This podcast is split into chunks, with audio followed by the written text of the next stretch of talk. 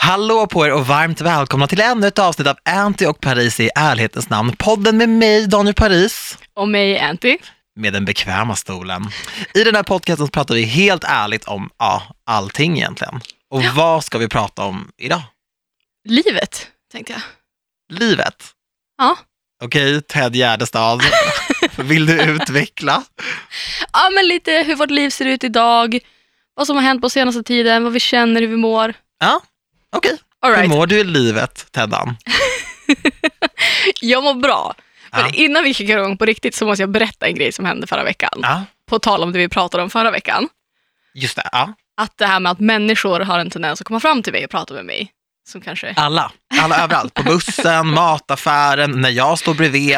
Jag vet inte vad de vill, men alla söker sig till dig. det, här, det här hände när jag och min syster sitter på restaurang och käkar. På restaurangen, Ja, jag är noll procent förvånad. eller ja, vi sitter liksom ut mot glaset. Ja. Så vi sitter mot fönstret och går förbi två killar, varav den ena killen stannar och går tillbaka och bara ställer sig utanför och bara stirrar på mig. En double take. Ja, ehm, och sen så pussar han glaset. Men sluta! Jo. Vadå medans du sitter med din chicken burger? Vi sitter och, bara- alltså så här, vi sitter och äter och pratar med varandra och han bara så här, pussar glaset. Och jag, blir, jag börjar skratta för det är, så här, det är så ab- absurt att det händer. Men det här utvecklas alltså till ett fönsterhångel. Men hånglar du också med Nej, glaset? men är du galen? alltså, nej. Han står och hånglar med fönstret. Och både jag och min syster kollar på varandra och bara, what is happening? Och vi bara så här, det, det, det finns ingenting att göra i den här situationen. Sen går de iväg för hans kompis står och bara, "Ja, ska vi gå eller? Ja. Ja, stelt. så de går och kommer tillbaka Åh, typ så här tio minuter senare och det här händer igen. men sluta, har du hittat på det här? Nej. Det här är det värsta jag har hört. Ja, Hur ser den här människan ut? alltså det är en äldre man. Kanske så här i 30-års okej äldre och äldre. Eh, jag är i Ja men alltså 30-årsåldern. 30-35. Alltså, men det är en vuxen man, det är Men- inte en pojke liksom. Det Men är i inte en, liksom vanliga kläder. ja, Men alltså, alltså någonting han måste ha varit. Men det var också så att klockan var sex på en fredag. Det var inte så här klockan 03 på en lördagkväll. Alltså det var liksom, det här är en, Men varför händer det här bara dig? Varför är det bara du som har sådana här historier att bjuda på? jag vet. Vad gör du i den här situationen? Alltså jag hade ju gått ut och bara, kan du gå härifrån? Nej det värsta är att jag sitter och kollar, jag bara, alltså, bara han inte kommer in för då dör jag. Nej men det går ju Men inte. han var på väg in, men då hans kompis bara nej nej nej nej kom vi går. Och då gick de. men det, det var ju det närmsta hånglet jag har kommit på ett tag. Men är det här någonting som du uppmuntrar? Tycker du om när det här Nej, händer? men absolut inte. Herregud. Du hatar ju inte när det händer. Fast det, det är ju en rolig historia. Ja, det är, ro- det är roligt för podden. Ja. Den här podden är väldigt tacksam. Det får gärna inte hända mig. När hånglade du senast? Ja du, väldigt, väldigt länge sedan faktiskt. Men vadå, räknar du det som att du har hånglat med honom? Nej, nej, nej. Kan du liksom ha det på din lista nu? absolut inte. Antonias senaste hångel var för två veckor sedan. Grattis! På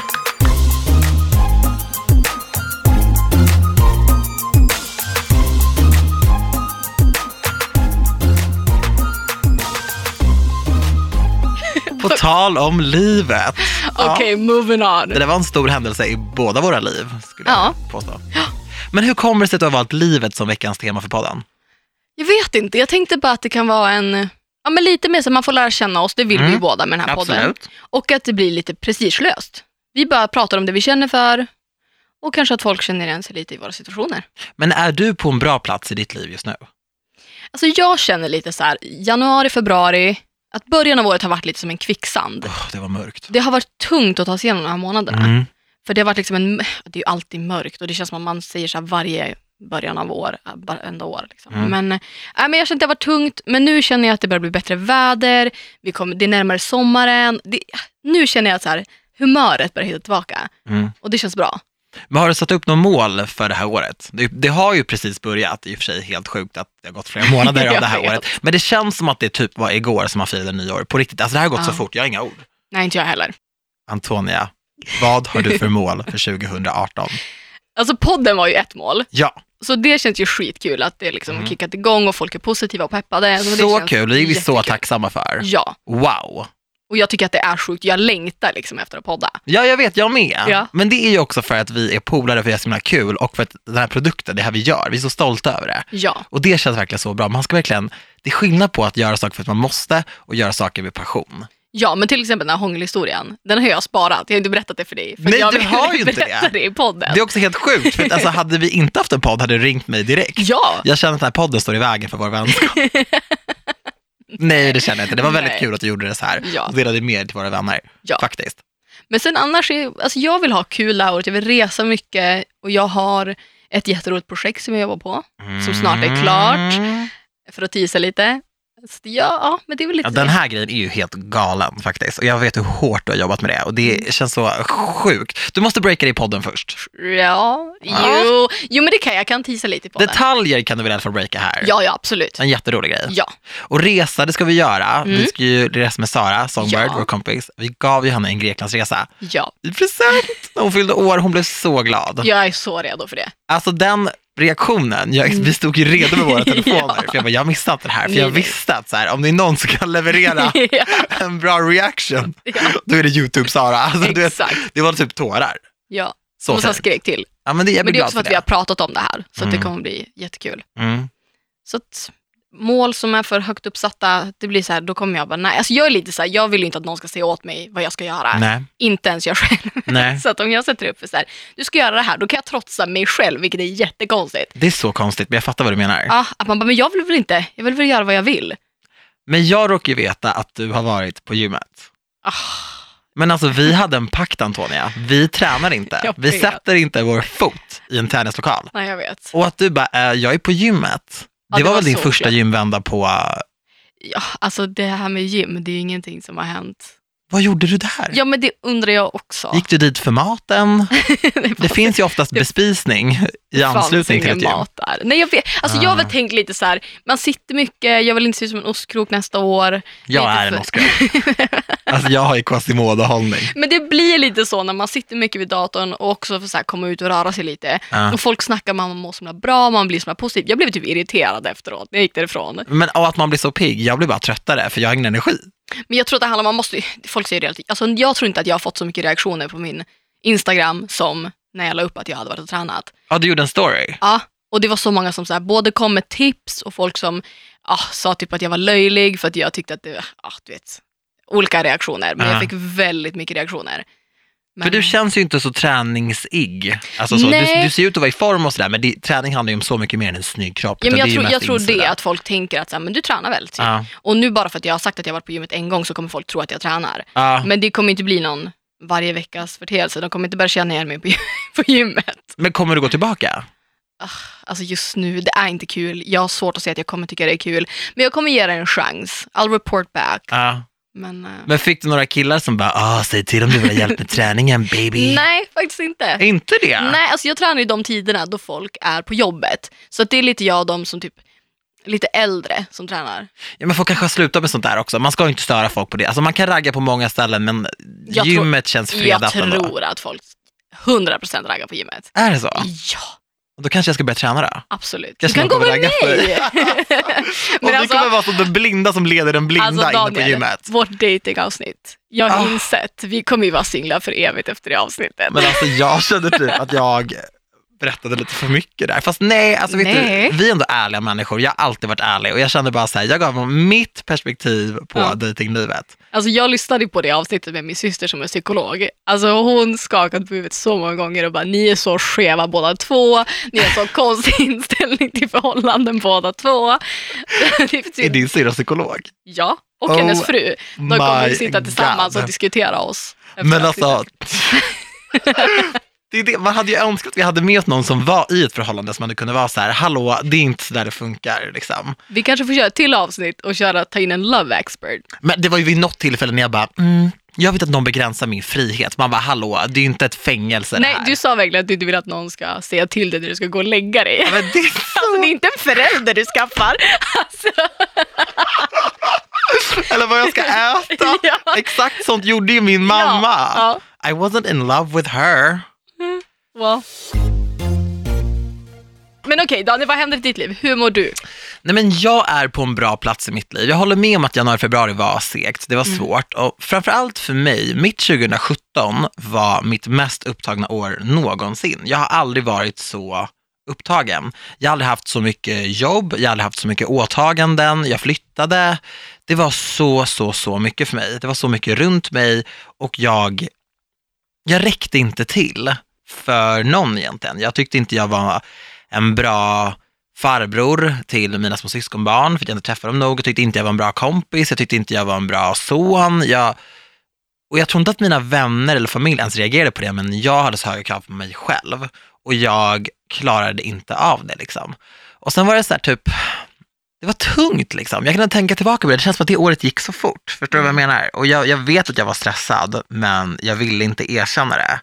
Det är typ på natten så, äh, så bara tjöt i mina öron. På slutet där, den vintern, jag, jag, hade, jag fick som tinnitus och jag förstod inte vad det var.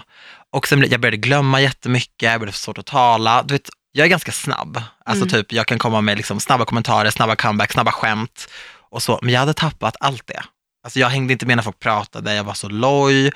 Och allt det här, det är ju varningstecken på att man jobbar för mycket. Ja. Men jag visste inte det. Jag visste inte att jag hade ett problem. Jag visste inte, jag kunde inte känna efter. Jag bara jobbade, jobbade, jobbade, jobbade. Och sen så tänker jag typ att ibland att säga, jag tycker inte folk riktigt fick så rätt bild av mig när jag var så himla trött och stressad och, och så. Liksom. Jag jobbade, jobbade på radion till exempel, skitkul jobb. Men det är också så här, när man gör ett radioprogram Mm. med eh, flera olika personligheter, då måste man alltid tänka på att ens åsikter ska vara olika. Såklart. Så helt plötsligt var jag tvungen att ha en åsikt om allting, även sånt som jag inte brydde mig om. Och det kunde bli så, jag kunde vara i så knepiga situationer där jag ibland sa saker för att jag spelade ju en roll där. Det var, jag hade ju min karaktär. Liksom. Ja. Jag var en stockholmsk kille, jag var homosexuell, jag hade inga barn, jag hade bara liksom, eh, min flashiga lägenhet och mina coola kompisar. Och jag var ju tvungen att matcha in åsikter som passade med den personligheten. Mm. Så om, om folk satt liksom i studion och gullegullade och tyckte att Danny och Molly var så himla söta, då var jag tvungen att säga att de inte alls var söta. Eller Mm. när de satt och pratade om sina barn, då var jag tvungen att vara den rösten som gick emot och bara, men jag hatar barn. Jag hatar Mm. inte barn. Du vet, men jag var tvungen att säga sådana saker och ibland kände jag så här, jag jobbar typ ihjäl mig och folk får ändå fel bild av mig. Jag får skit för sånt som jag inte ens står för. Så här. Mm. Förstår du vad jag menar? Känner att folk fortfarande missförstår dig eller tror att folk har fattat den här rollen nu? Både ja och nej. Jag tror ändå att folk jag tror inte att folk förstår hur man gör program till exempel. För det är så där man gör radio, det är så där man gör tv. Att sitter du med två personer som säger ja, ja, ja, då måste en person säga nej. Mm. Då måste du vara den som bara, nej absolut inte. Säger någon att de älskar glass, ja då måste jag hata glass. Så är det bara. Det är så man gör för man måste skapa dynamik. Mm. Men ibland kunde jag känna att jag fick det kortaste strået, om du Jag förstår vad jag menar. Och då måste man stå där och bära hela hundhuvudet själv. Och då kände jag bara så här, ah, is it worth it? Så här, jag är helt slut, jag bara jobbar, jobbar, jobbar och jag får typ skit on top of it all. Mm. Förstår du vad jag menar? Jag fattar. Och jag kan se saker som jag har gjort tidigare i min karriär, hur jag liksom ändå gjorde ett avtryck och hur jag ibland provocerade medvetet, liksom 2010, 2011 och fick så otroligt mycket skit. Men jag kan se att folk gör samma sak, säger samma saker nu, sex sju år senare Mm. och inte får någon skit alls. Och där har jag faktiskt fått frågor om och folk bara, känns det liksom surt att du fick så mycket skit där och då, men människor som gör samma sak nu tokhyllas. Och jag kan bli lite bitter över det ibland. Förut kunde jag bli det och bara känna så här, fasen. Men jag känner också att så här, fast jag gick ändå i bräschen någonstans. Förstår du vad jag menar? Jag bröt mark för människor Mm. så att, att jag stack folk i ögonen så himla mycket av olika anledningar. Kanske för att jag inte såg ut som alla andra eller tyckte som alla andra eller var homosexuell eller vad det nu var. Det gjorde ju det lättare för människor som är som mig idag att göra Ja. karriär. Och det är klart att det var hårt och svårt. Och ibland, jag tänkte mycket det just under, under förra året. Men någonstans känner jag ändå att det var värt det. Mm. Och nu känner jag så här, när jag liksom har dragit ner lite på jobb och kanske lagt min energi på andra saker och har ett klart mål för vart jag ska. För min passion har alltid varit att jobba med det jag älskar. Ja. Förstår du vad jag menar? Kanske är bättre nu att jag har den här podden med dig, att jag Mm. fortsätter toksatsa på mina tv-uppdrag, jag vill växa där som Mm. programledare och det är det det här året kommer handla om. Och om man tänker i livet där jag är nu, så är jag på en väldigt bra plats. Ja. Det piper inte i mina öron längre, jag är inte lika stressad. Jag tycker att jag är en bättre person. Men det kan väl vara bra att ha i åtanke att oavsett vad du tar dig an för, men för uppdrag, att du ska göra det 100% an i Paris och inte låta någon ge dig en roll som du inte är bekväm med. Nej, jag tror att det är det som är grejen. Ja. Att ändå stay true. Sen hade jag otroligt kul, nu var bara radion ett exempel. Alltså man, man sätts ofta i de situationerna där man är med och man gör grejer, det har jag gjort i tv-rutan också. Och sen har jag känt så här, ja fast det där var inte riktigt jag. Men jag kan också känna då när man har fått skit så har jag bara kunnat skaka av med det, för jag har känt så här, men det, jag tycker ändå inte sådär. Det var Nej. ändå inte jag. Men problemet är när folk inte fattar det. För i många situationer så är jag lite som en skådespelare, en stand-up komiker. En, en komiker verkligen. Men jag har inte profilerat mig som det. Nej. Det räcker inte med att jag vet det, folk måste också veta det. Så det är det också, det är mycket som har klarnat för mig nu. Men kan du känna ibland att du har gått emot dig själv i någonting? För du är väldigt noga med sånt vet jag. Jag vet att vi snackade typ bara här om veckan, Mm. så hade du fått en samarbetsförfrågan och de Mm. hade erbjudit dig sjukt mycket pengar. Ja. Och jag vet ju x antal människor, inte jag faktiskt, men jag vet många som hade, inte hade tvekat till att tacka ja. Men du sa nej. Ja. Men jag tror att det, det är också så här, för två år sedan kanske jag hade hoppat på det på en gång för det var Ja. mycket pengar. Jag hade bara sett nollorna i det. Mm. Men Det var många nollor. ja, Och en liten siffra innan som Ja. gjorde de här nollorna väldigt kraftfulla. Men, men det är ju också någonstans, nu måste jag tänka varumärke dels och sen Mm. så är jag väldigt mån om, jag vill att mitt varumärke ska vara jag. Och då blir det jättekonstigt, för jag kommer att stå för det här även om fyra år, Mm. om jag fortfarande gör det jag gör. Och jag vill inte att folk ska Alltså folk känner ju mig. De som Mm. följer mig och vet vem jag är, de vet vad jag står för och vad jag tycker är viktigt och vad som blir genuint i mina sociala kanaler. Det blir bara så konstigt om jag bara skulle ta på mig något. För visst, jag kan tänka sig att det var bara en bild på Instagram.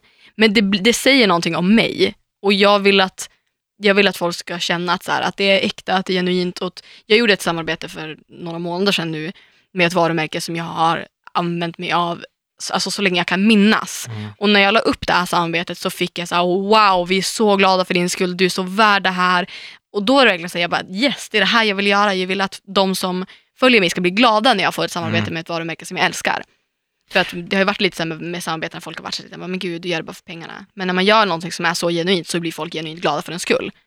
Men jag tänker så här, visst, nu snackar vi om våra branscher, liksom, det är samarbeten och det är Instagram och mycket sånt där. Men jag tänker det går ju också att applicera typ i skolan, Ja. arbetsplatsen. Har du alltid känt, för jag kunde känna när jag växte upp till exempel, att i skolan så kändes det som att en, ena dagen var man mobbad, andra dagen var man en mobbare, Mm. tredje dagen var man skitcool, fjärde dagen hade man inte en enda polare. Alltså det var så från flyktigt, det var från dag till dag. Ja. Och då kunde jag känna ibland att så här, när man fick vara med i det coola gänget till exempel, när det väl hände, när de typ tyckte det var coolt, att jag var lite som en accessoar någon gång, liksom, när det funkade. Då kändes det ibland som att man spelade deras spel lite grann, höll med om deras åsikter, tyckte som dem.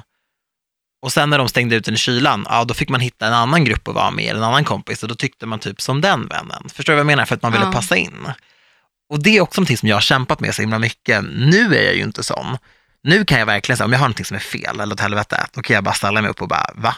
Mm. Eller typ, alltså jag har inga problem med att sitta på en middag med polare och om någon häver ur sig någonting som är typ sexistiskt eller rasistiskt och bara, det där var inte okej. Vad menar Nej. du med det? Alltså förstår du vad jag menar? Även Ja. om vi skrattade sekunden innan. Ja. Men det finns situationer när jag var yngre, där jag har blundat för sånt, där folk har pratat homofobiskt framför mig till exempel. Alltså, Mm. och, och jag är liksom öppet homosexuell och det här under den tiden, det har de bara skitit i. Mm. Rasistiskt likadant och jag har bara bitit mig i tungan. Men nu är jag bara så här, eh, alltså jag kommer aldrig vara tyst. Nej. Aldrig någonsin. Alltså det där är karaktärsmord av mig själv. Ja. Det har präglat mig så himla mycket nu i vuxen ålder, men jag hade bara önskat att jag var hårdare med sånt när jag var yngre. Ja. Jag har alltid varit ganska hård med vad jag tycker och vad jag står för. Just för att, ja men också i den här hbtq-frågan för att min syster är gay. Mm. Eh, och då har jag varit så här huggit väldigt, så fort någon har sagt någonting så har jag huggit. Mm. För att det står mig så nära, det är liksom min stora syster och ingen snackar skit om min stora syster. Men det är också så sjukt att folk ens diskuterar sådana här saker. Jag Alltså, vet. man får höra så här, mm, homosexuella få adoptera barn eller gifta sig? Man bara, jag kan inte, jag kan inte sitta 2018 och diskutera det här. Nej, men alltså, det här, det är det det här är inte ens en fråga. Nej, alltså jag skulle aldrig, jag skulle inte ta det och jag har väldigt, så ibland, jag, ibland så tänk, eller säger jag innan jag tänker. Mm. Och det har så varit när jag varit yngre också, vilket ibland har gjort att jag hamnat i problem för att jag har liksom, har varit väldigt hoppat på det ganska kaxigt och inte tänkt med konsekvenserna hur jag säger det. Nej. För jag är bara så att jag tänker att jag, min åsikt är rätt och Mm. jag ska få den sagd. Och då kan det bli så att det blir lite så här tjafs istället. Men hellre att jag tjafsar med någon som uttrycker sig som en jävla, alltså idiot, ursäkta, men jag tycker att det är idiot att säga saker som är homofobiska. Och då när de gör det framför mig, då tar jag hellre den. För jag kan ta det. Det är också så här svårt att stå upp till någon när jag ser att min syster är liksom homosexuell. Mm. Ska du säga till mig att det är fel? Vissa också när man är yngre kan säga saker bara för att de har hört det och tror att, ja, men tror typ att de ska, alltså de är, det är inte deras åsikt. Mm, nej. Så då tar jag det hellre och tjafsar hellre. Då får folk vara arga på mig. Det går jättebra om jag kan ha fått folk att tänka till. För att folk nästa gång inte på en fest ska tänka att det kanske blir bråk som det blev när jag sa det till Antonia. Mm. Och inte säga det då och tänka till. Mm. Jag gör det alla dagar i veckan. Bråka med mig alla dagar i veckan om det startar en diskussion och får det att tänka om. För att i den här frågan så har jag rätt. Mm. Och samma sak med rasistiska grejer. Jag vet att jag blev ovän med ett helt gäng när jag gick i högstadiet för att jag sa ifrån när de drog rasistiska skämt. Och jag sa det, liksom, så här, jag, bara, men jag tycker inte att det här är kul. Så att om ni säger det här framför mig, då kommer jag sluta umgås med er. Mm. Vilket jag gjorde och blev kallad gettoslyna efter det. Ehm, för att jag sa ifrån. Liksom. Och det, Det gör, det rör mig Alltså, liksom det inte i ryggen förbannad att, alltså. att folk så här, kan snacka skit om mig. Be my guest. Men snacka, alltså så här, någonstans man måste säga ifrån. Oavsett hur obekvämt det är eller hur nära vän den är. Man kan inte tillåta sådana här skämt. Alltså, Nej, Det är allvar i det. men det är också det som är problemet, att tystnaden är ju det största misstaget. Ja. Det, att sitta och lyssna på sånt där och sen komma hem, alltså det, de där orden ekar i mitt huvud på natten och jag vet att jag inte sa någonting. Ja.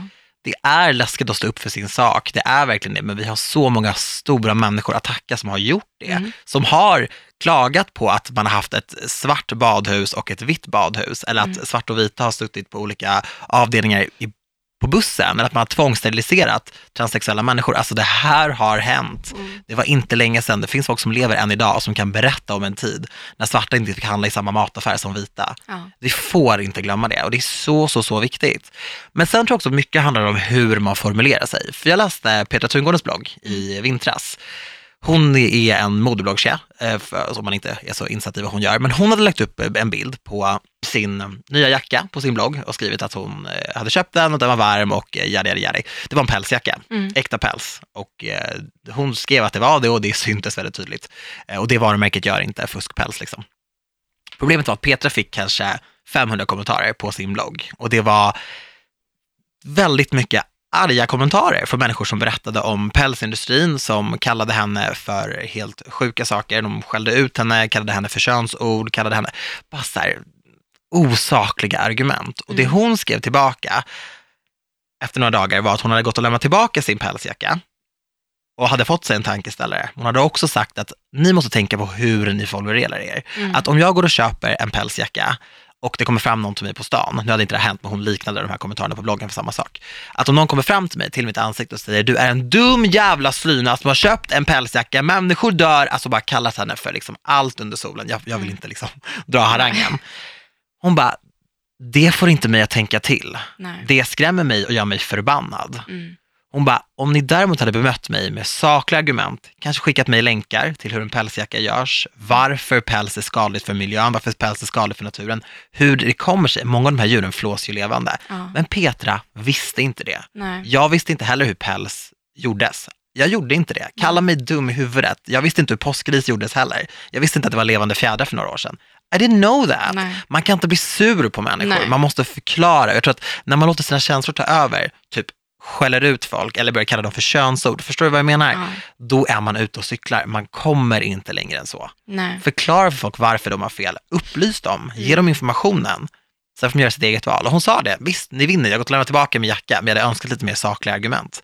Och det fick mig att tänka till att det är lätt att låta känslor ta över i många situationer. För att jag är en känslomässig person, alla har känslor. Mm. Men att här, ta ett djupt andetag, förklara, Mm. bemöt med sakliga argument, bemöt med fakta. Ja.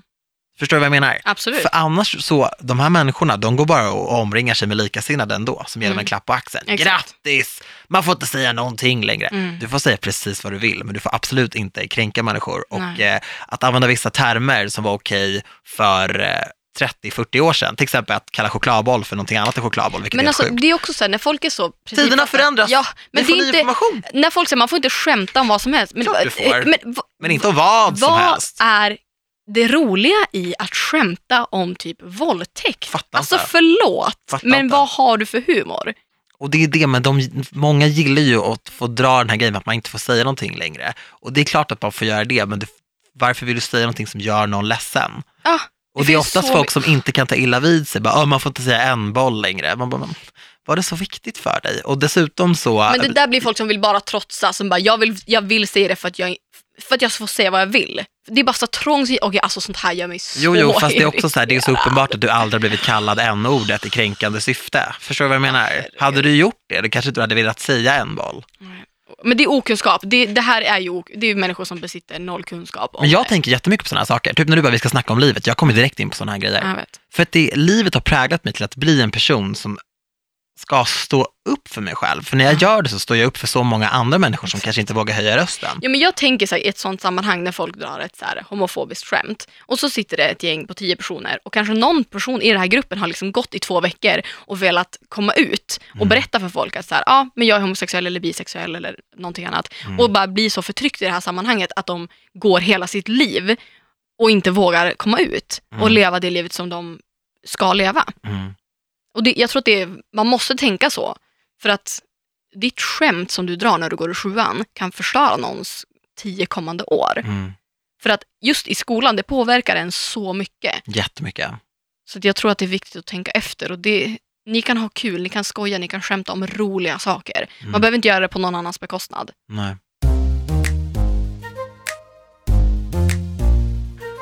Men vilken skulle du säga har varit din bästa period i livet? Är det just nu? Ja, alltså, jag, tror det. Mm. Faktiskt. Jag, tror, jag tycker att förra året var väldigt bra. Det var ett väldigt bra år. Du blev Kristallen-nominerad. ja, men inte bara så här, bara hur jag mådde. Jag tror att det är viktigare för mig hur jag mår och vad jag känner. Att jag känner nej, men att man umgås med folk som gör en glad och som motiverar en. Det tycker jag är viktigt. Men har du umgått med folk som du idag kan se var riktiga energitjuvar? Absolut. Jättemånga. Och det är jättesvårt att klippa banden med de människorna. Men man måste tänka att man lever någonstans för sig själv. Eh, Och sätta sig själv i första hand. Men hur vet man att man har en kompis som inte är bra för en? Det är jättesvårt. Hur visste du? Jag tror att det är kanske en lång process av att man känner att, att när man umgås med den personen, man blir av med mer energi än vad man får. Och att kanske saker, ser- negativa saker sätter sig kvar hos en, att man tar det vidare, liksom fortfarande går och har en så dålig känsla. Mm. Och man kanske, ja men man, man känner att man ger mer än vad man får. Mm. Att det hela tiden, att vänskapen är liksom på, eh, på den andra personens villkor till exempel. Eller om man känner att den personen tar en typ för om du vill gå på bio och den personen vill fika, så blir det ändå att ni går och fikar. Ja, men eller så när jag ringer och vill hitta på någonting så bara, nej jag har inte tid nu. Men så fort den personen vill så ställer man upp. Eller så Mm. jag behöver hjälp med det här, men man vet att man inte skulle få samma tillbaka. Mm. Att när det inte är lika villkor. Och när man, alltså det, man, folk man umgås med, man ska, man ska bli glad. Det är klart att man, jobbiga saker händer och man ska ställa upp i, när, när folk behöver det. Men jag tror att när jag har brutit med folk så har det varit en lång, det har varit en lång period som jag Ja. har känt att så här, det här är bara, den här vänskapen gynnar bara den andra personen.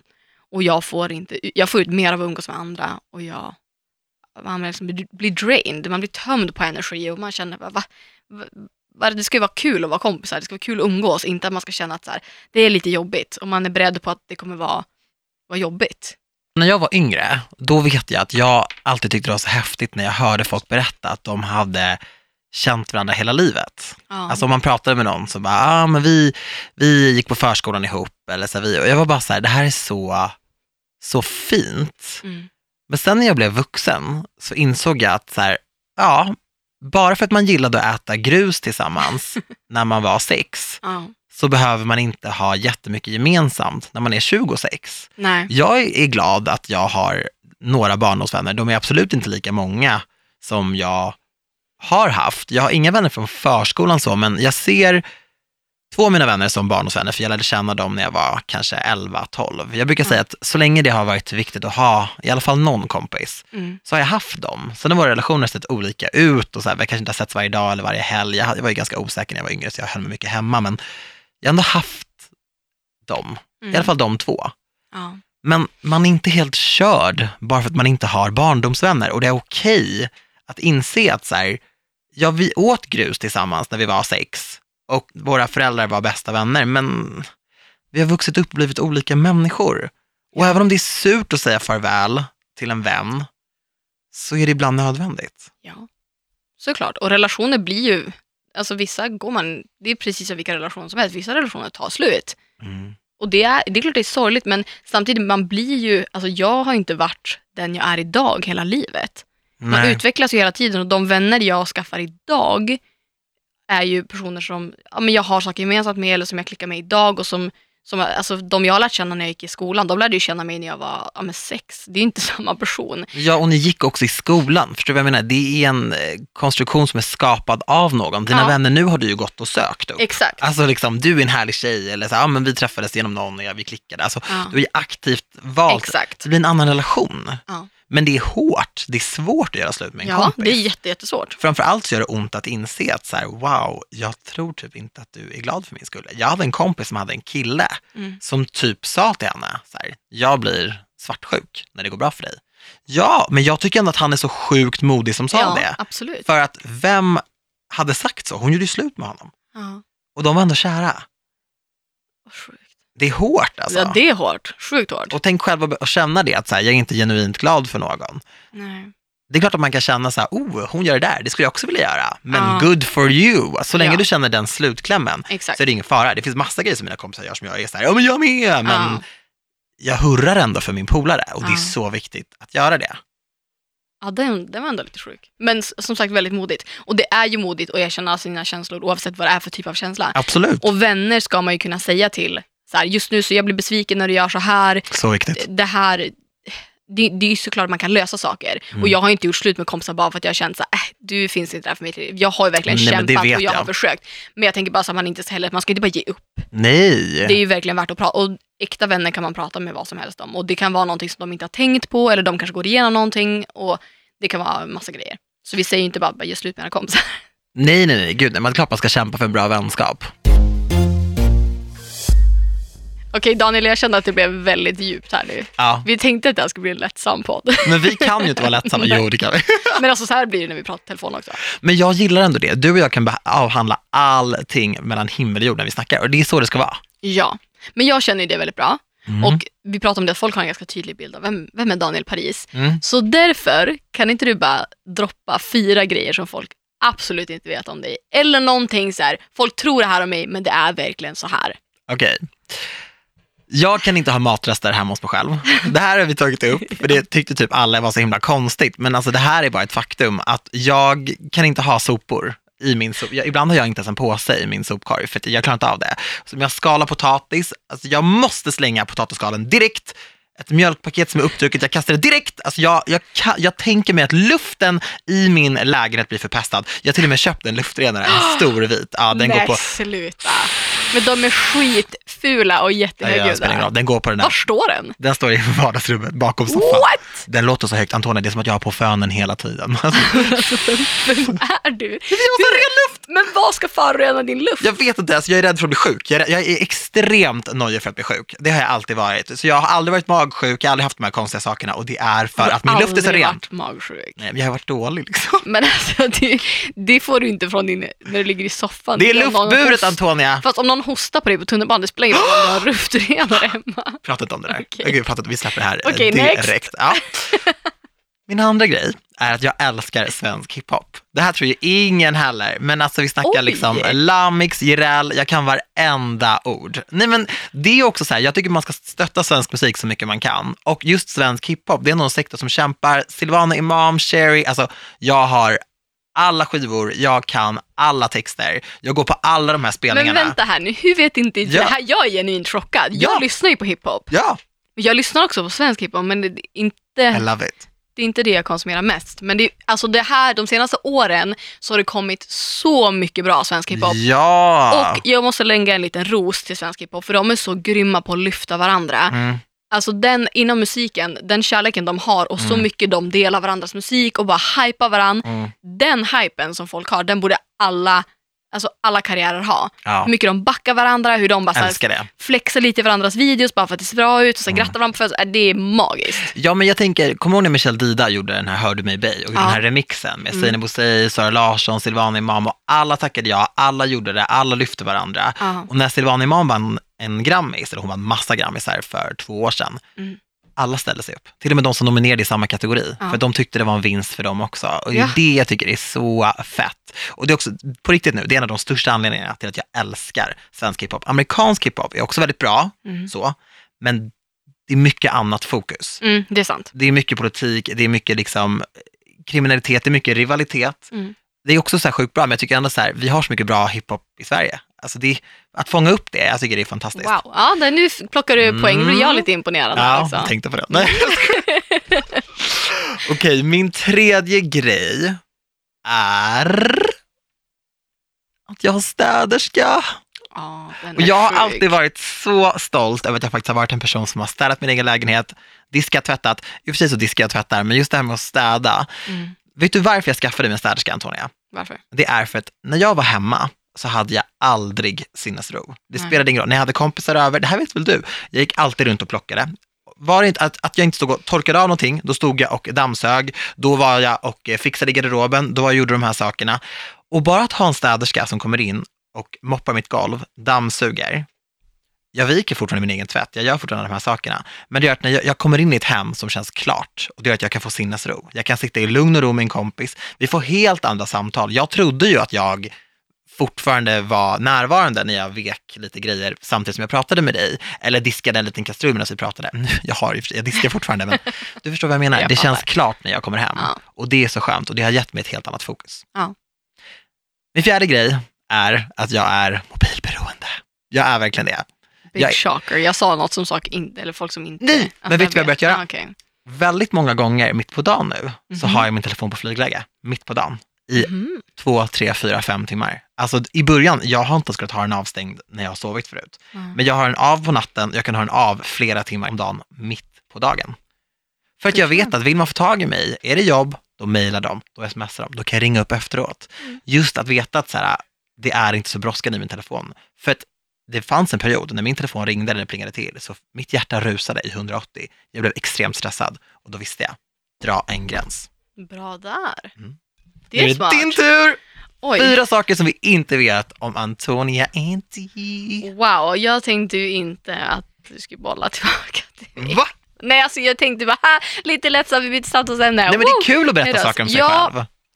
Alltså det här är ju så svårt Mm, är det. också, för att man är, jag har lämnat ut mig själv väldigt mycket i mina sociala kanaler. Och det gillar vi att du gör. Så folk... Eh, ja, men okej, jag tror att jag har insett, det här är inte heller så här wow, men jag tror ju att jag har ett shoppingberoende. På riktigt. Ja, alltså jag har insett det på senaste. Jag shoppar typ mer för att shoppa än...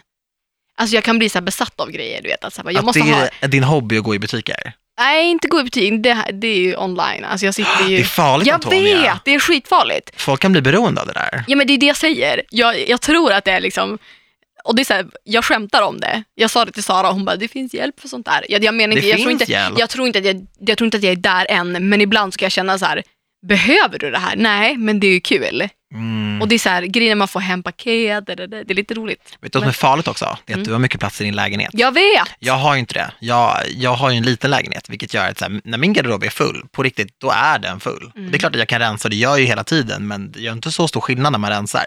Nej, alltså jag tror det har blivit en sport tror jag och jag tror jag måste chilla. Typ lägga bort mitt em, bankkort, Ja. eh, ta bort mitt Paypal-konto. ja, men du kan göra små grejer, typ, så här, typ sådana där saker. Ja. Och kanske avregistrera dig från de här hemsidorna som du Ja. shoppar mycket på, så att det ändå är en process. För det, nu räcker det med två klick, Ja, så är du vet. inne på Det är webbshop, två enkelt. klick till, så är det hemma hos dig och Ja, det har det dragits 2000 på ditt kort. Ja, Det är mycket. Vi uppskattar din ärlighet. Tack. Sak nummer två. Jag är extremt kräsen när det kommer till mat. Det vet ju jag. Det vet du Men det, jag tror inte det är så många vet Nej. Jag tror inte jag har gått ut. Jag jag, är, jag visste inte det innan jag kände dig. Nej, och det är inte så här att jag, jag är verkligen typ ett barn. Du äter ingenting. Jag äter verkligen inget. Och det jag skäms för att jag kan gå på restaurang och bara, det finns ingenting här. Alltså folk är så här typ, vi skulle fira min födelsedag för något år sedan. Och mina kompisar sa, vi kan inte gå hit, eh, och vi kan inte gå hit, och vi kan inte gå hit, och vi kan inte... Och jag var på en inspelning en gång. vi spelade in eh, Göteborgsområdet. Och där är det så här, ja men mycket fisk, Ja, ja. mycket skaldjur. Och det, Bra fisk och Ja, skaldjur i och Göteborg. det äter ju inte jag. Nej, jag vet. Och eh, Vet du vad du missar? Ja, ja, men jag tycker inte om, alltså det här, jag, är så, jag är så barnslig när det kommer till det här. Men också, då, och så på inspelningar, du vet, jag vill att det ska gå snabbt. Om man vill ta en hamburgare. Men nej just det, Mm, jag äter Antonija inte äter inte hamburgare. Nej. Nu äter jag inte kött, men innan jag åt kött så åt jag inte, s- alltså det här, wow. Eh, Jag åt inte sammanpressad köttfärs. Ja, men sluta! Nej men alltså jag tycker inte, alltså så här, hamburgare, köttbullar, biff, alltså det är mig liksom, råbiff gör mig till mardrömmar. Det var ju det bästa Jag jag, vet. visste. Nej, Alltså jag åt ju det. Åh oh, gud, jag, ja, jag åt så vet. mycket råbiff. Nej, alltså, jag, det får mardrömmar. Fan Ah. bästa kött. Okej, jag låter som värsta såhär, jag shoppar för mycket och jag klarar Men inte dina av det." favoriträtter? Wow. Vad, älsk, vad älskar du att äta? Greksallad. Mozzarella tomat? Ah, alltså sallader. Mm, Jag gillar ju ost, alltså jag gillar halloumi, greksallad. mm. ehm, och Men det är ju det är bra för miljön också, Ja, på typ- riktigt. enchiladas. Så gott. Ja, men vad har du i dem? Förut när jag gjorde mycket, då hade jag kyckling i. Nu äter jag inte det. Men Mm. nu kan man ha halloumi i. Sig. Eller så här korn och så. Det finns jättemycket så här, alltså typ så här sojabitar. Det är som kycklingbitar fast det inte är det. Men- Det åt jag igår. Vi åt väl enchiladas på nyår? Gjorde vi? Ja, innan, innan vår andra middag. Nej men det var ju hamburgare. Svamphamburgare som Sara Svamphamburgare, gjorde. just Ja. det. Men vet du, vi har snackat... De var så goda. Men vi hade ju en ja, myskväll hemma jo, hos mig. Ja, då åt vi Ja, det. just det. Med avokado och svamp. Det var också så här vinter, hela det den så, månaden. det var för, bara... Varför vi inte vet, det var för att det var Sara som lagade middag och du Just och jag satt och tog bilder. Gud vad goda de var. Nej, det var så gott. Sara, laga mat åt oss. Shout out. Men Sara har ju verkligen eh, cook-along med Sara Sångberg på hennes. YouTube-kanal. Och hon har ju köpt en ny kamera nu, så nu ska hon maxa. Det är så kul att titta på. Ja, och hon sa också att hon ville laga mat. Ja, ja, hon tycker att kul. det är kul. Tredje grej som vi inte vet. Jag tror typ inte att folk, eller jo, folk vet att jag älskar musik. Men jag dör ju för musik. Du kan väl inte göra någonting utan musik? Nej. I öronen? Och jag är också så här. Alltså visst att man lyssnar på musik men om någon släpper ett nytt album så plöjer jag albumet för jag vill höra allt. Alltså jag vill så här, do my research, jag dömer jättemycket efter videos, alltså jag gör så här, jag kollar allt. Har du sett God's Plan-video? 100 procent. Alltså jag grät. Har du sett Cardis nya? Nej, Bardi Cardi? Ja. Nej. Eh, Den släpptes nyligen. Ja, jag vet. Men det är det, jag gör den här direkt. Alltså jag sitter på tunnelbanan och kollar. Jag, så här, jag droppar allt för det kommer, jag måste kolla. Ja, men jag gillar musikvideos. Jag växte också upp under en tid där man faktiskt och väntade. MTV. Ja, då satt man ju och räknade ner. Ja, så här. Klockan åtta kommer det och då var det ett musikvideoprogram. Men det är det också när man kom hem från skolan. Jag fick ju inte kolla på ZTV och MTV. Alltså Nej. när jag liksom var, kom hem när jag gick typ i sexan. Man Mamma visste ju aldrig nej. vad man fick. Nej, nej. Men det, var, det gjorde man ju. Ja, jag och, vet. och men jag kan också säga, det här vet också i och för sig folk, men kanske för nya grejer som nya lyssnare till podden. Jag är ju en reality junkie. Jag Ja. kollar ju på alla reality-serier som finns. Men har du Hey You Nordics? Ja, eh, ja. Ja, Hey You är Alltså- så bra! Ja, ja. Och jag kollar på allt. Alltså så här, det spelar ingen roll. Det är så här, amerikanska versionen av det, svenska versionen av det, brittiska versionen av det, alltså allt. Kollar du Love and Hip Hop Atlanta? Jag vet inte vart man kan kolla på På det. Hey You! Nej, finns alla Love and Hip Hop på Heyo? Ja, ja, de ska göra det. Och alla Housewives. Alltså- Men skulle du vilja vara med i reality-tv själv? Alltså jag har ju tänkt tanken. Alltså typ Paradise. Jag har ju verkligen tänkt tanken. Jag hade dött för att se dig där. Men det hade, alltså det hade jag inte kunnat bara rulla in i Paradise nu och bara tjo. Jo, om de hade någon sån här äh, influencervecka eller någonting så kom du in som Alltså, om jag fick vara influensan med själv. i Paradise med Daniel Paris. Nej men vad ska jag göra där? Vad ska jag göra där? Men, Vi båda är ju lost cases. Men jag tänker typ såhär dig i, ja men typ Are you the one? Där, alltså det hade varit så kul att se dig i en sån situation för att du hade varit så obekväm. Ja, men alltså, du vet jag är runt kärlek och Ja det är det jag känslor. menar. Du hade varit superobekväm Men och det det- hade varit så kul att så behöva lämna ut dig så maxat mycket. Alltså jag hade suttit med mina popcorn och varit så redo. Alltså jag hade kunnat gå in som programledare för då behöver Nej man men ju bara gå dit. jag vet att du var programledare men du vill bli utmanad dig. Jag ville bara gå dit och säga vad de ska göra och Ja. sen gå hem. Men du, folk vet att du kan vara programledare, du är jätteduktig på att vara det. Men om man ska sätta dig i en riktigt obekväm situation. Okej, men säg tre realityserier du skulle kunna tänka dig vara med i. I så ordning, vilken är den, den du skulle kunna vara med i mest av allt? Nej men jag hade kunnat köra typ, eh, inte riktiga Farmen. För Nej. att jag fick faktiskt frågan för typ så fem år sedan och det, det är bara för mycket. De har inga speglar, de har ingenting. Jag, jag, det går inte. Shocker. Men Farmen VIP, Så de har speglar eller? de får vissa förmåner, Ah, okej. har jag förstått det som. Ja. Och så. så det hade jag kunnat tänka mig, men då typ med dig och Ellen. Alltså det är så här, några man kände. Ja. det, det hade varit kul bara för att känna på det livet. Och sen, men alltså Are You The One hade varit smidigt för att då får man ju en partner om man har tur. Mm, Man får det. Då, då är det klart. Fast inte om den partnern blir kär i någon annan, då blir det fel. Och Det får inte spela. hända. Nej, exakt. Det får icke hända. Nej. Och, Men hade du, okej, hade du kunnat vara med i Bachelor? nej men gud! Och att du är liksom all eyes on you? Alltså För jag, det är ju Are you the one fast... jag hade velat göra Bachelor bara för att det hade varit stort om Sverige hade gjort en Bachelor som var liksom samkönad. Ja. Så, alltså för ett statement, men jag hade ju varit sämst i att dejta i tv-rutan. Ja, men det hade varit så kul. Okej, men så Farmen, Are you the one och sen Wahlgrens värld. Men det, Kan inga mer! Jo, Alltså, men vadå, skulle du se mig i PH eller Big Brother? Alltså herregud. Fast lyssna. Folk skulle stängt av tvn. Tjoff! Nej, Alltså, absolut. Du är Big Brother. tänk alltså, mig i badbyxor. eller 100 mig sitta i BB-soffan. Det hade varit så kul. Nej men gud. Alltså jag tänker ju Robinson. Nej men gud! Nej, Men jag hade dödat i Robinson. Alltså jag hade varit så grym i Robinson. Antonija, du hade fått vitaminbrist.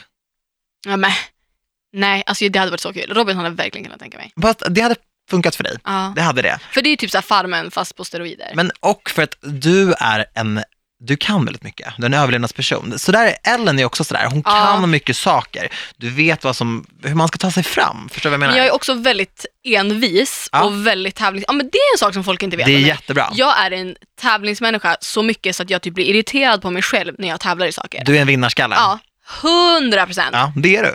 Och det är verkligen så, jag kan ibland alltså när jag tävlar, alltså det kan vara så här löjliga, vi körde så här, bara prosecco pong som är beer pong fast med prosecco när jag var Gud. hemma i Umeå senast.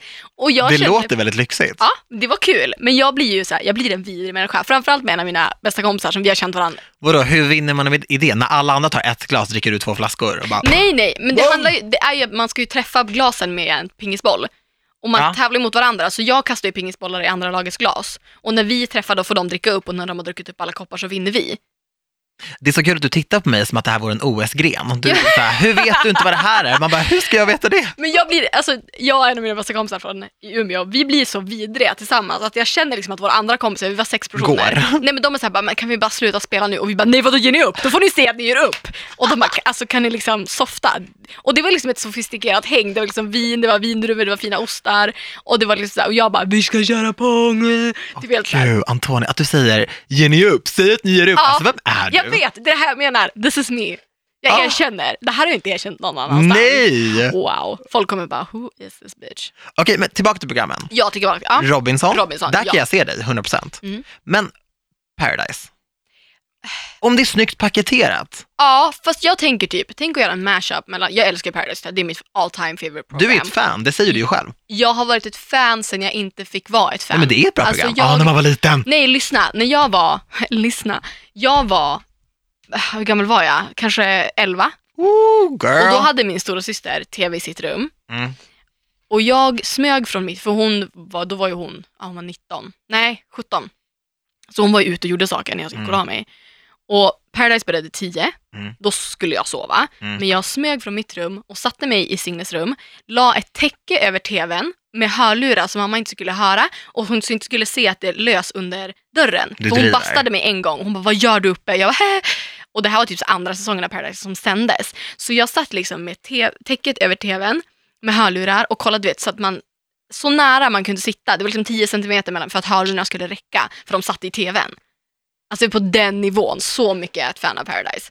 Det var lite för ung Antonija. Jag vet, men jag, ja. Så att, men tänk så här, tänk en mashup av Paradise och Big Brother. Tänk det så här, det är i Paradise-huset, fast det är Ja. liksom live. Kameror hela tiden och live. Mm.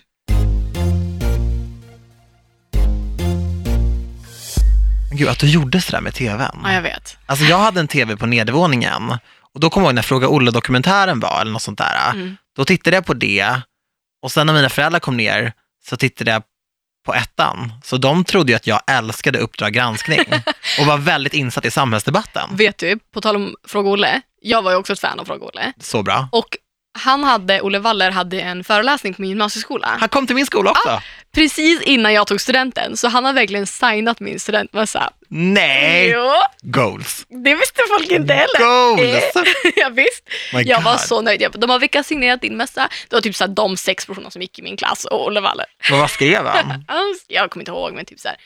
Ja, Lycka puss och kram, Olle. Puss och kram. Men inte vet jag vad han skrev, men jag tyckte väl att det var asspännande. Så vadå, det var ändå fråga Olle, Olle. Okej, tredje realityserien som du kan tänka dig att ställa upp i. Fråga Olle. Det blir ingen reality så. Ja, men det skulle vara Robinson. Tyvärr var det ju reality. ja, men men okej, men om det skulle vara någon, sjuk twist på Paradise så skulle det vara Robinson Paradise och Big Brother. Nu, Mm. nu sänds ju inte Big Brother längre. Men grejen är så här att det här är ju de tre mest tongivande dokusåporna. Och Mm. när, och du växer ändå upp i en sån era. Ja. Så jag förstår att det är de som man söker sig till, Ja. alltså rent så. Men jag skulle också, alltså så Are you the one också, men det skulle vara konstigt om vi bara klev in. Ja, men jag, Alltså fattar du vad jag menar? Det är, så här, det är ett kul koncept, jag tycker att det är skitkul. jag älskar det. Ja, men också ett av mina favoritprogram som inte sänds längre är ju Wipeout. De frågade mig om Wipeout. Tackade du nej? Ja, Wipeout Winter. Ja, men ja, gud, vet du hur rädd jag är? Sluta, jag är förolämpad. Nej, men det här var också, det här var när det gick för, ja, sex år sedan. Wipeout Winter Argentina, jo, men jag vågade inte. Alltså, när jag jobbade natt på kundservice, då var det liksom mitt nöje att Ja. sitta och kolla, för då var vi är lite trött, allt roligare när man är trött. Repriserna gick ju på. Ja, Ja. och jag kollade gamla program och skrattade tills jag grät. Men det var ju verkligen så här, man kunde ju, få, man kunde ju gå på någonting så fick man en, en, en boxningshandske i ja, huvudet. ja. Ner i och vattnet. när man hoppade på de här stora, Bollarna. ja, alltså så bra program. Oh my god. Minns du Stadskampen? Nej. Va? Nej, Sluta! Det- gick det? Det, jag minns inte vilken kanal det var, men det sändes när jag var, alltså jag var liten. Det var liksom, och Fångarna på fortet också, hallå Ja, Fångarna på ja. fortet, Fångarna på fortet. Men det måste du vara med. Det, ja, hallå, Fångarna på fortet, jag vill vara med. Men där borde vi vara med tillsammans, Ja, möta varandra. ja. I och för sig, nej. Jag Du, vi- jag, du kommer hata mig. Vi jag vill måste vara i ditt lag. Vi måste vara samma, annars kommer du inte vara vän med mig längre. nej, för jag är inte så tävlings... Men fort tillbaka till eh, Stadskampen. Det var ju så här, det var också en hinderbana och sen så i slutet så skulle man samla ihop olika grejer så här. Ja men vi vill ha hit tre kanoter, fyra pianos, eh, tre så här, klösträd och så, fick staden tävla mot andra städer i så hur många grejer man tog dit av den här listan. jag, jag känner igen Alltså här bring lite. it back. Wow, vilken produktion. Ja visst, vi kan vara programledare. Det hade varit så kul! För att det, alltså det programmet, jag minns att jag tror att de var i Umeå och vi, alltså det var ju värsta grejen när det Det kom till stort, en, ja, ja. ja. Och det är som man involverar en hel stad. Hallå, när ska vi få programleda någonting ihop? Ja, ping, ping. Det är ändå på tiden. Det hade blivit så kul. Ja. Hallå, vi måste hissa och dissa också. ja. Okej, vi börjar med en hiss. Har du något på lager eller? Men jag tänker liksom att vi ändå har pratat så positivt och glatt i det här avsnittet om Ja. saker och ting. Men jag skulle faktiskt vilja hissa civilkurage. Ja. På riktigt nu. För det har vi snackat om tidigare i den här podden. Ja. Och jag tycker att det är så viktigt. Mm. Agera alltid. Säg alltid från om någonting känns jobbigt. Ja. Och eh, stå upp för människor som kanske kan göra det för sig själva. Mm. Det är så Och viktigt. stå upp för sig själv. Alltså underskatta inte den grejen att så här, du är viktig. Och man Mm. måste vara sin egna bästa vän och man måste backa sig själv. Alltså det kan man inte säga för många gånger. Och veckans diss. Får jag dissa? Ja, varsågod. Får jag dissa grupptryck? Ja. Jag hatar grupptryck. Jag hatar personen som jag blir och har blivit av grupptryck. Jag hatar det grupptryck jag gör med människor. Jag hatar grupper som sätter press på en enskild person. Mm. Det är det värsta jag vet. Alla gånger som jag har gått emot min magkänsla eller som någonting har gått dåligt för mig, då har jag gett vika för grupptryck. Mm. Jag ville bara säga det, Ja, jag håller med. Ja. Bra hiss och diss. eller hur? Good job. I'm proud of you. I'm proud of you! nu är vi för snälla igen. I'm not proud of you. Du måste vara bättre nästa vecka. Eller hur? Men hallå, vet du, vi har ju snackat om att vi vill ha en frågepodd. Ja, det har vi Ja. verkligen pratat om. Och vi har uppmuntrat våra lyssnare att faktiskt höra av sig till oss, Ja. antingen på våra Instagrams eller till våran eh, poddmail. Ja, Och bara ställa lite frågor, ni får jättegärna också baka in lite feedback på podcasten. Vi är superöppna för det. Vi älskar podden. Älskar Ja. du den? Hatar du den? Ni får också skriva en liten, vad heter det, när man utvärderar den i appen. Ja! Appen, skriva vad ni tycker. Det vill vi verkligen. Fast där får ni bara skriva snälla saker. Eller hur? Nej men mejla oss jättegärna. Vår mail är antiochparis at hotmail.com. Och vi hörs igen nästa vecka. Tusen tack för att ni har lyssnat. Puss och Puss och kram!